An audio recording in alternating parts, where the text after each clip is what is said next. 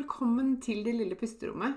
Dette er podkasten som vil hjelpe deg til å skape små pusterom, finne ro og være mer til stede i hverdagen din. Jeg heter Maren Kvalvåg Toven. Jeg er barnevernspedagog, familieterapeut og eniagramcoach. Jeg er mamma til to, gift og gründer av Det lille pusterommet. Og jeg har selv kjent på langvarig stress og har vært utbrent. Jeg brenner for å hjelpe deg ut av stress og utbrenthet og vise deg hvordan du kan finne ro selv om det er travelt rundt deg.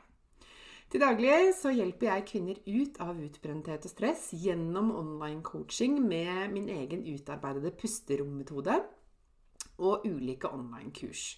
Du vil høre meg reklamere for mine tjenester i denne podkasten. Du vil også i denne podkasten få mine tips, triks og inspirasjon til hvordan du kan skape dine pusterom i hverdagen. Jeg kommer også til å dele egne erfaringer og invitere spennende gjester på besøk. Mer om meg og det jeg kan hjelpe deg med, det kan du lese om på delillepusterommet.no. Det er veldig gøy om du deler at du hører på Det lille pusterommet i sosiale medier, og tagger meg, så jeg kan si hei til deg. Jeg heter Marin Kvalvåg Toven både på Facebook og på Instagram. Her kommer dagens episode. Da jeg var 30 år, så lærte jeg noe nytt om meg selv som forandret en av de store sannhetene jeg hadde hatt om, om meg selv og hvem jeg var. I dag skal jeg dele en ganske personlig historie som jeg kanskje ikke har delt med så mange før, egentlig. Men som har vært en stor historie i mitt liv Um, og som egentlig er litt sånn privat, så jeg syns det er litt sånn Hva skal jeg si? Eh, jeg har ikke lyst til å få klump i halsen når jeg deler denne historien, men det kan hende jeg får det. Men jeg, synes, jeg har lyst til å dele den fordi jeg syns den er et veldig godt eksempel på hvordan historiene vi forteller om oss selv, kan ha en enorm kraft. Um, både positivt og negativt forstand. Så i dag skal jeg dele en historie om noe som var eh, vondt og vanskelig for meg eh, helt fram til jeg ble 30 år, faktisk. Eh, og som endret seg veldig. Og hvordan det skjedde, og hva som skjedde med meg da. For som barn så var jeg veld, ikke så veldig glad i, eller god i, fysisk aktivitet og gym. Det er kanskje litt overraska over dagens tema, men hør hele historien, så vil du forstå hvorfor jeg forteller den, tror jeg. Jeg har alltid vært veldig høy. Jeg har vært skolens høyeste, klassens høyeste og trinnets høyeste eh, helt fram til langt ut på ungdomsskolen, jeg. Når det kanskje var noen gutter som begynte å ta meg hjem. Jeg var 182 eh, cm høy som 15-åring. Eh, jeg har alltid vært kraftig bygd, og jeg så på meg selv som tjukk. Og når jeg ser på bilder av meg selv som liten, så tenker jeg at det stemmer jo ikke i det hele tatt. Men det var min sannhet om meg selv. Eh, og dette, dette, er litt vanskelig å snakke om, men jeg har lyst til å dele denne historien med deg allikevel. jeg ble ofte valgt sist i gymmen. Jeg følte veldig liten mestring og glede over fysisk aktivitet. Og det liksom forsterket egentlig min allerede lave selvfølelse, om du kan si det sånn. Og jeg har mange dårlige minner med gymlærere som nesten overså meg fordi jeg ikke var eh, en av de flinke, en av de sporty.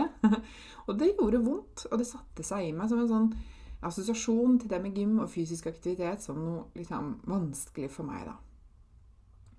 I tillegg så var jeg veldig uheldig og skadet ryggen min hele tre ganger fra barnehagen og opp til ungdomsskolen. Um, og jeg måtte gjennom en ryggoperasjon også um, da jeg ble voksen muligens som litt følge av disse skadene jeg fikk da. Så det begrenset meg også litt underveis. I det hele tatt så var liksom ikke fysisk aktivitet min styrke. Selv om det skal sies, jeg har um, både spilt basketball, og jeg begynte på aerobic, husker jeg. Um, aerobic, heter det det? og hadde det veldig gøy med det. Um, men det var liksom da jeg ble ungdom, da, og begynte å finne liksom litt mer min vei i det. Jeg følte meg aldri veldig god i det heller, for øvrig. Det er noe så. Men spoler vi fram noen år, eh, da jeg fylte, eller hadde passert 30 eh, Jeg tror det var liksom bare kort tid etter at jeg fylte, fylte 30 år. Så bestemte jeg meg for at jeg hadde lyst til å investere i en personlig trener for aller første gang. Eh, jeg grugleda meg skikkelig til det. Jeg syntes det var ganske sånn kleint og litt ubehagelig. Og, ja, men, og det var til og med en mann, og jeg var liksom Ja, jeg var ganske spent, men jeg var veldig motivert. Jeg hadde lyst til å prøve det. Eh, og fram til da så hadde jeg trent en del på egen hånd som voksen, så jeg hadde drevet med fysisk aktivitet, men aldri med en PT. Og lite visste jeg at det kom til å endre min oppfattelse av meg selv så mye som det det gjorde. For det viste seg at jeg var kjempesterk. Ikke var jeg i toppform. Jeg var absolutt ikke i toppform da jeg starta og måtte piskes litt i gang. og eh, lære teknikk og det som er på styrketrening. Eh, men PT-en min ble skikkelig overraska og imponert over styrken min. Såpass at han faktisk i noen tilfeller liksom trakk bort noen andre PT-er som jobba på det senteret hvor jeg trente, og bare Se hva hun her klarer. Og de andre bare Hæ, shit, det klarer ikke jeg engang, liksom. liksom.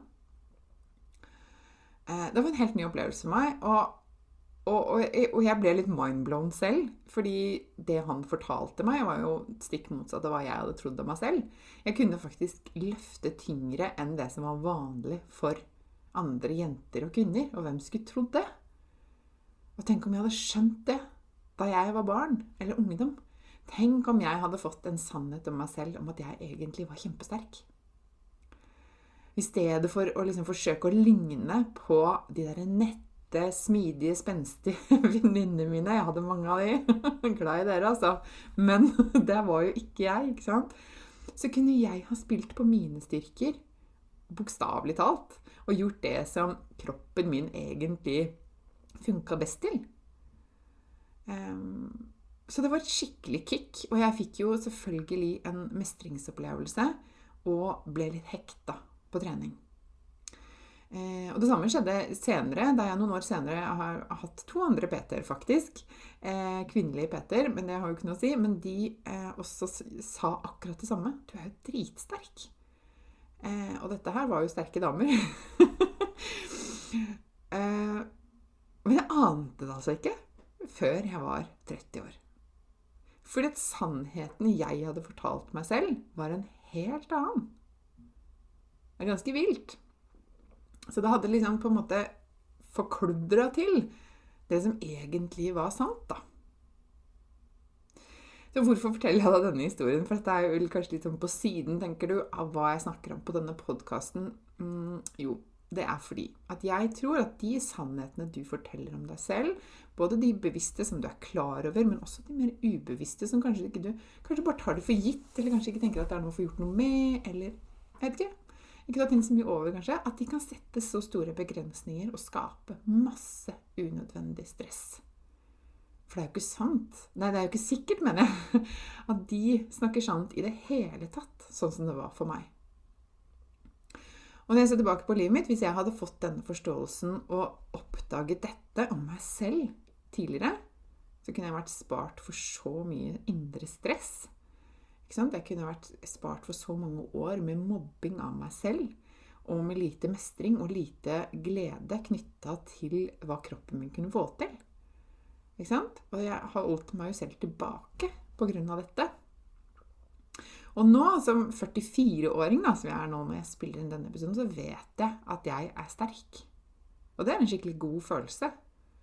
Eh, og denne høsten her, jeg har delt det litt på Instagram også, eller på sosiale medier også, at jeg denne høsten så har jeg liksom eh, satt styrketrening jevnlig på timeplanen min. Jeg syns det har vært utfordrende, må jeg bare si, etter at jeg ble mamma. Eh, med, med liksom jevnlig trening, fordi at søvn har vært en utfordring.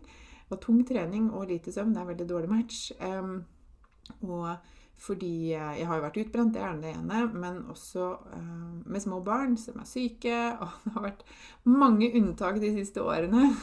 Jeg syns det har vært utfordrende, det må jeg bare si. Um, men jeg har skikkelig lyst til å finne tilbake til den der følelsen av å være litt hekta på treningen.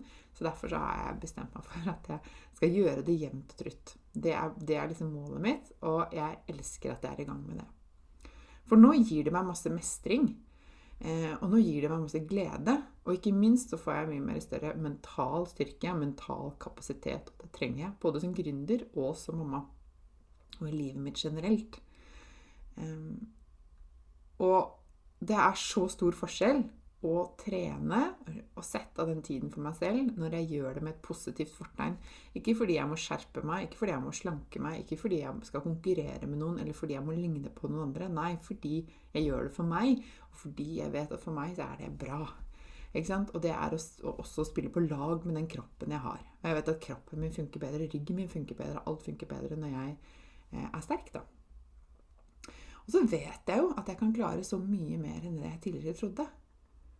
Og det er jo overførbart til så mye her i livet, ikke sant? Den derre styr fysiske styrken. Når man oppdager at 'oi, jeg er jo mye sterkere enn jeg tror', så kan man jo faktisk minne seg selv om det ellers også. Jeg kan få til mer enn det jeg tror. Og så har jeg slutta å ligne på andre. Jeg ligner ikke på noen andre, jeg. jeg gjør virkelig ikke det, verken fysisk. Ikke sant? Jeg har alltid skilt meg litt ut fysisk, da. Blant, eh, blant mange av vennene mine, i hvert fall. Um, og jeg har slutta å prøve å ligne på dem, og det er ganske deilig. Fordi det var ganske pes. Det, det sleit meg veldig ut i sosiale settinger. At jeg tenkte veldig mye på at jeg var annerledes. Uh, og det er, ikke noe, det er, ikke nødvendigvis bare en god opplevelse, ikke sant? Så Mitt spørsmål til deg etter at jeg har fortalt denne litt uh, sårbare historien om meg selv, det er hvilke sannheter forteller du deg selv, og som holder deg tilbake? Er du villig til å utforske og utfordre de sannhetene og begynne å fortelle deg selv en ny historie? Det er min oppfordring til deg, da. Uansett hva det handler om for deg. Det kan hende det handler om noe helt annet enn det jeg har delt i dag. Eller kanskje du kjenner deg igjen i noe av det. Og hva ønsker du å fortelle om deg selv? Hvilken historie vil du fortelle om deg selv? Hvilken sannhet skal være din sannhet? Kanskje det er på tide å stake ut en ny sannhet, en ny historie. Og begynne å fortelle den til deg selv så ofte du kan. Det kan jeg virkelig anbefale deg å prøve. Ehm, for det endret så mye i måten jeg så meg selv på, måten jeg snakket til meg selv på, og hva jeg kunne se på som mulig i livet mitt. da. Så det var liksom det jeg hadde lyst til å dele med deg i dag. Um, og jeg håper at du hadde nytte av det på et eller annet nivå. Uh, og kanskje syns du dette var helt off topic. Ja vel, så syns du det. Men jeg hadde lyst til å dele den historien med deg i dag. Og, um, og så håper jeg at du også tar oppfordringene om å utforske dine egne historier, og hva det gjør med deg, og skape deg en ny. Så håper jeg vi ses igjen her. Snakkes her igjen eh, om ikke så altfor lenge. Og inntil da så håper jeg du tar godt vare på deg selv. Ha det! Dette var dagens episode. Jeg håper du likte den. Og hvis du gjorde det, så del gjerne i sosiale medier og tagg meg med Mari, at Maren Kvalvåg Toven, så kan jeg si hei til deg. Jeg blir så glad for sånne meldinger. Og følg meg gjerne også på Facebook og på Instagram. Du finner meg som Maren Kvalvåg Toven begge steder. Jeg ønsker deg en fin dag videre, og så snakkes vi igjen snart.